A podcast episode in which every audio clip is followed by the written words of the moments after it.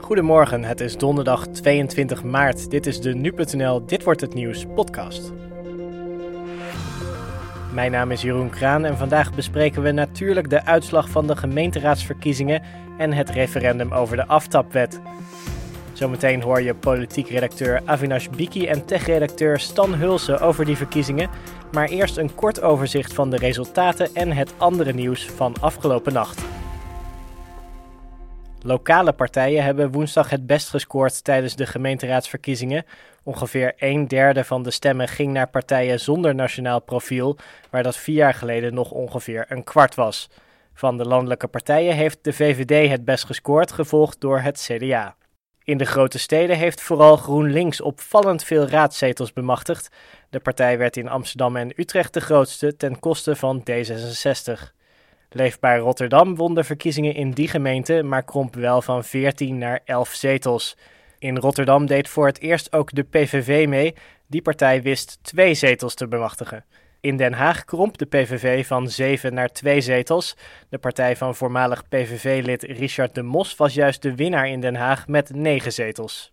Net als tijdens de Tweede Kamerverkiezingen heeft de PvdA flinke verliezen geleden. In Amsterdam, Rotterdam en Utrecht zag de partij zijn zetelaantal ongeveer halveren. De exacte uitslagen per gemeente kun je uiteraard vinden op nu.nl en in onze app. Nederland lijkt met een zeer kleine marge tegen te hebben gestemd in het referendum over de wet op de inlichtingen en veiligheidsdiensten, beter bekend als de sleepwet.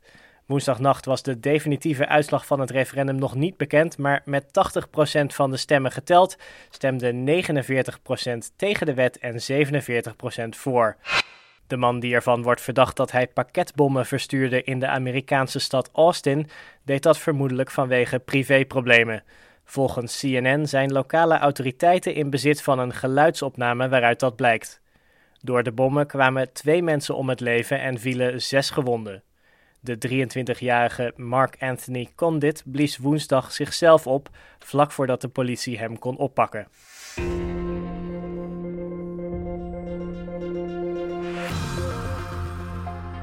En we gaan natuurlijk nog even napraten over die gemeenteraadsverkiezingen. En dat doe ik met politiek redacteur Avinash Biki. Avi, wie is nou eigenlijk de winnaar van deze avond? Nou, Jeroen, ik denk wel dat je kan zeggen dat de lokale partijen uh, deze verkiezingen gewonnen hebben. Uh, vorige verkiezingen was het 27,5% van de stemmen die naar de lokale partijen ging. Dat is dit keer uh, voorlopig, hè? ik heb het nu wel over een voorlopige stand, 32,6% uh, van de stemmen die naar de lokale partijen zijn gegaan. Ik denk dat dat een, uh, ja, dat is wel opmerkelijk, denk ik. Een flinke stijging. En is dat op een of andere manier te verklaren? Hebben de nationale partijen iets laten liggen? Nou ja, dat is eigenlijk op, op drie manieren is dat te verklaren. Enerzijds natuurlijk omdat ze niet gebonden zijn aan uh, een bepaalde partijlijn. Dat zie je wel heel sterk bij uh, lokale uh, afdelingen, bijvoorbeeld van D66. Die zeggen dat ze dus last hebben gehad van uh, bijvoorbeeld het referendumstandpunt van D66 die veranderd is.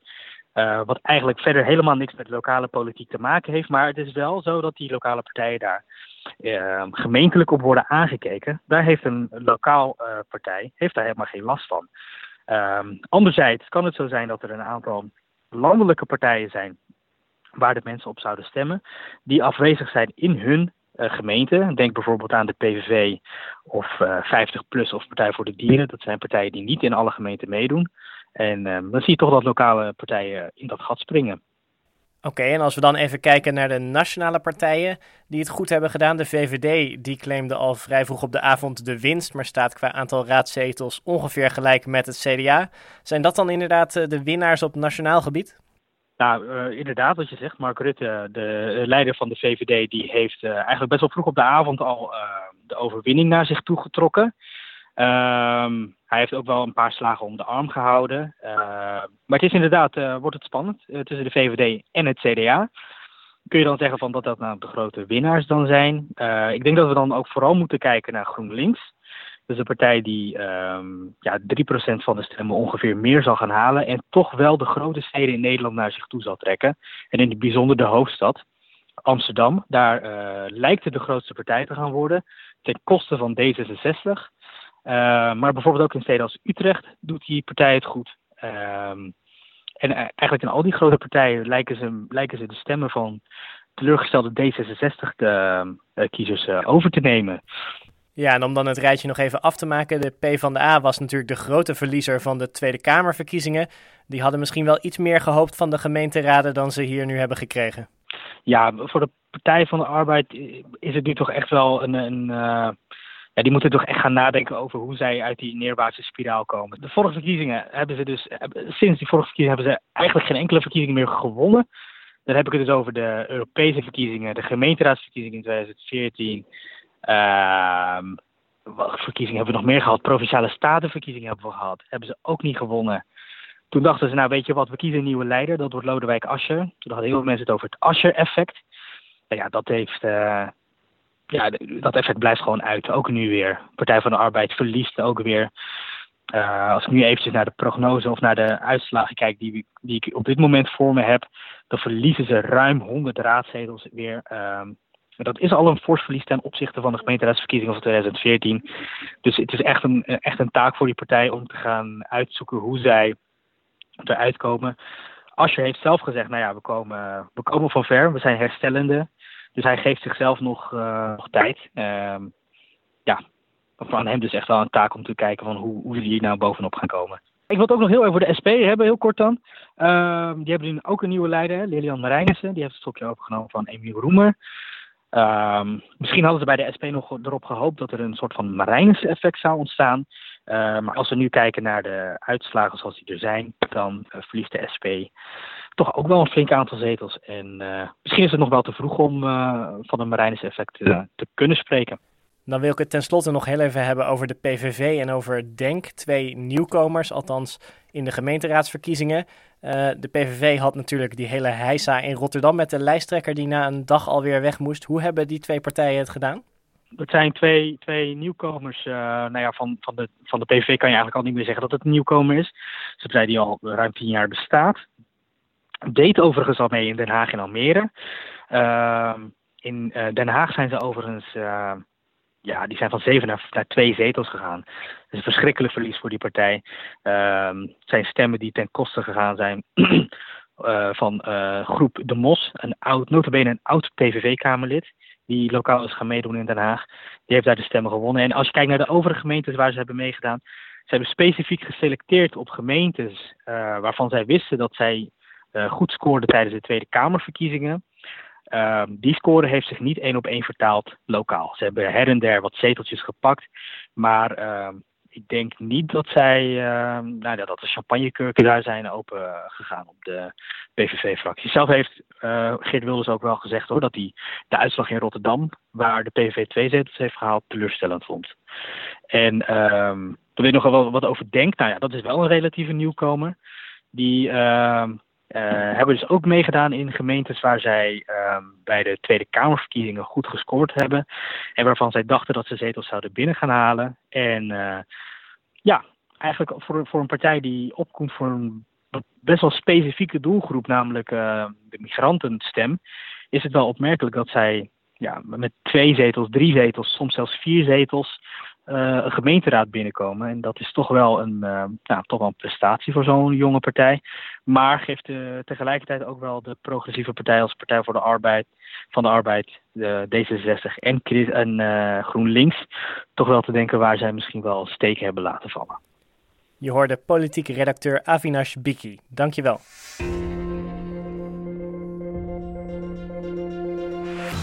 Behalve voor de gemeenteraden is er dus ook gestemd op het raadgevend referendum over de WIF, beter bekend als de aftapwet. Collega Julien Dom sprak met techredacteur Stan Hulsen. Meteen nadat de stemlokalen waren gesloten, werd al duidelijk dat het ging om een nek-aan-nek race. Ja, klopt. Uh, gisteravond tijdens de exit polls om 9 uur bleek dat 49% voor de WIF heeft gestemd en 48% tegen. Um, dus daar was al het af te leiden dat, er, uh, dat het nek aan nek zou worden. Uh, inmiddels, als we dit opnemen, zijn 75% van de stemmen geteld. 314 van de 380 gemeenten. En daaruit blijkt dat 47,2% voorstemt en 48,9% tegen. Nog altijd dus heel dichtbij, ja. Wat uh, betekent dit? Want het gaat zo gelijk op voor, met elkaar. Wat betekent dit voor die wet? Um, als de meerderheid voor heeft gestemd, kan, kan het kabinet zeggen... wij uh, wij nemen dit advies mee, de wet blijft er zoals die is. Mm -hmm. En uh, we gaan er verder niets aan veranderen. als de meerderheid tegen heeft gestemd, dan moet, dan moet het kabinet eigenlijk daar iets mee doen. En dat betekent dat zij een paar aanpassingen moeten doen naar de wet, of in ieder geval nog, nogmaals naar die wet moeten kijken. En op basis daarvan nog een, een, ja, met de verantwoording naar buiten moeten komen. Nou, zoals je zegt, het kabinet heeft veel mogelijkheden. Ehm, dan kijken we eventjes naar die opkomst, want hoe zat, die, hoe zat het daarmee precies? Uh, voor de geldigheid van het referendum is het van belang dat uiteindelijk 30% van de kiesgerechtigden opkomt dagen. In principe niet heel spannend, omdat het natuurlijk samenviel met de gemeenteraadsverkiezingen. Iedereen die daar ging stemmen kreeg automatisch ook een, ook, een velletje papier met, uh, met een, een, stemformulier voor de, voor de, voor de WIF. En uh, daaruit blijkt ook wel dat de opkomst uh, vrij hoog is. Mm -hmm. van alle gemeenten waar zowel voor de gemeenteraadsverkiezingen werd gestemd als voor gemeenten waar uh, voor het referendum werd gestemd, is de opkomst in ieder geval voor, voor de cijfers die we nu hebben 43% of hoger.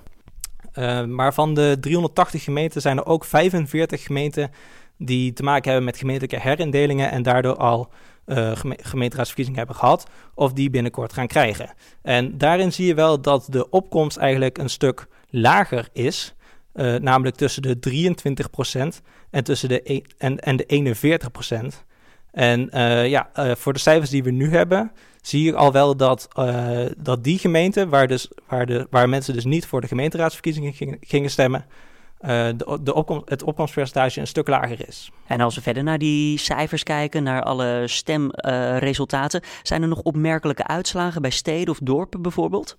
Nou, uh, in Groningen en Leeuwarden, twee steden die dus niet te maken hadden met de gemeenteraadsverkiezingen, is wel opmerkelijk dat een heel erg groot deel tegen de nieuwe WIF heeft gestemd. Namelijk in Groningen 70,8% tegen en in Leeuwarden 62,3% tegen. En de mhm. opkomst is daarbij ook redelijk, redelijk hoog. Uh, in Leeuwarden was dat 30,2% en in, en in Groningen 35,9%. Um, ehm, dus je ziet wel dat die mensen daar een, een, een, duidelijk signaal afgeven. Nou, er is dus veel gestemd, alle kanten. En bij de ene stad meer dan bij de andere. Uh, wat in ieder geval zeker is, is dat er over gepraat wordt in heel het land. Betekent dat dat dit een succes is voor de initiatiefnemers, ongeacht de uitkomst? Um, dat kun je wel stellen, denk ik. Zonder dit, referendum uh, waren er waarschijnlijk niet zoveel discussies geweest over de rol van inlichtingendiensten in de democratie. Um, dit, een onderwerp wat eigenlijk normaal gesproken totaal niet uh, ter sprake komt. We hebben inlichtingendiensten, die doen werk. Maar ja, wat ze doen, is allemaal geheim. Daar houden we ons niet mee bezig. En het referendum heeft er wel voor gezorgd dat die rol van de inlichtingendiensten weer op de agenda staat. En daarbij ook discussies over nou ja, privacy en veiligheid uh, ja, in de hoofden van mensen terecht is gekomen en, daar, mensen daar actief over gaan nadenken. Je hoorde Stan Hulsen van de NuTech-redactie. En wil je weten hoe er op dit referendum is gestemd in jouw gemeente, dan kan je ook daarvoor terecht op nu.nl.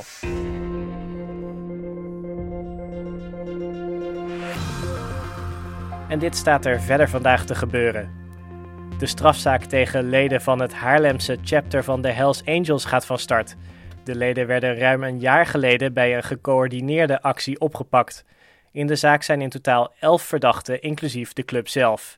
Justitie vervolgt kopstuk Lisander de R samen met andere clubleden en zijn vriendin voor een reeks criminele activiteiten, waaronder wapenbezit, afpersing, bedreiging en het lidmaatschap van een criminele organisatie. Minister van Buitenlandse Zaken Stef Blok houdt donderdagmiddag een toespraak bij de officiële opening van het Kruifkoord in het Belgische Molenbeek. Blok zal zijn medeleven betonen aan de slachtoffers van de aanslagen van 22 maart 2016. Daarbij kwamen ook drie Nederlanders om. Het initiatief voor het trapveld komt van de Nederlandse Brusselaar Unico van Koten en Amsterdammer Ahmed Larousse. Zij wilden iets doen voor Molenbeek na de aanslagen en het overlijden van Johan Cruijff twee dagen later. Het is het tweede Cruijffkoord in België.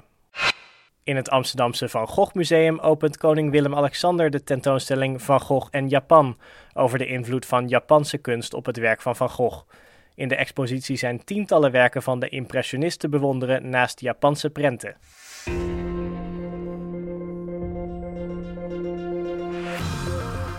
En dan nog het mediaoverzicht van vandaag.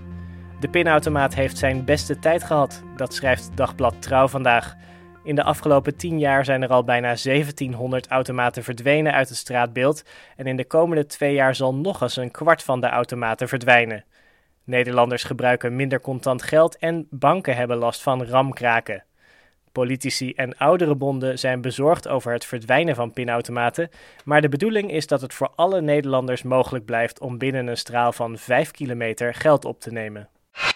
Facebook-directeur Mark Zuckerberg bood vannacht in een interview met CNN zijn excuses aan voor de diefstal van gebruikersdata door het omstreden bedrijf Cambridge Analytica. Dat bedrijf werkte onder meer voor de presidentscampagne van Donald Trump en sluisde privégegevens van tientallen miljoenen Facebook-gebruikers weg via een persoonlijkheidsquiz. This was a major breach of trust, and and I'm really sorry that this happened. Um, you know, we have a basic responsibility to protect people's data, and if we can't do that, then then we don't uh, deserve to have the opportunity to serve people. Volgens Zuckerberg had zijn sociale netwerk te veel vertrouwen in bedrijven als Cambridge Analytica. Hij zegt dat zijn bedrijf beter toezicht gaat houden op ontwikkelaars van populaire Facebook-apps.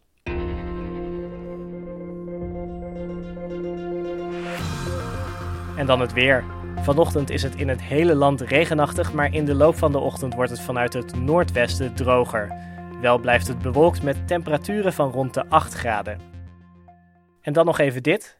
Na de Brexit krijgen burgers in het Verenigd Koninkrijk weer ouderwetse blauwe paspoorten, in plaats van de donkerrode paspoorten die alle EU-burgers gebruiken. Maar het Nederlands-Franse bedrijf Gemalto heeft het contract gewonnen om de oer-Britse paspoorten te gaan produceren.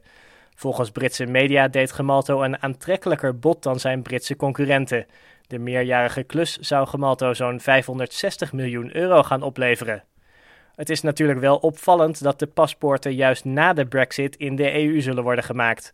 De eurosceptische parlementariër Priti Patel noemt het besluit een nationale vernedering en roept het Britse ministerie van Binnenlandse Zaken op om het contract alsnog aan een Britse producent te geven. En dat was dan de Dit wordt het nieuws podcast van donderdag 22 maart. De Dit wordt het nieuws podcast is elke maandag tot en met vrijdag om 6 uur ochtends te vinden op nu.nl. Vond je dit een leuke podcast? Laat dan eens een recensie achter op iTunes. We ontvangen graag je feedback. Voor nu, tot morgen.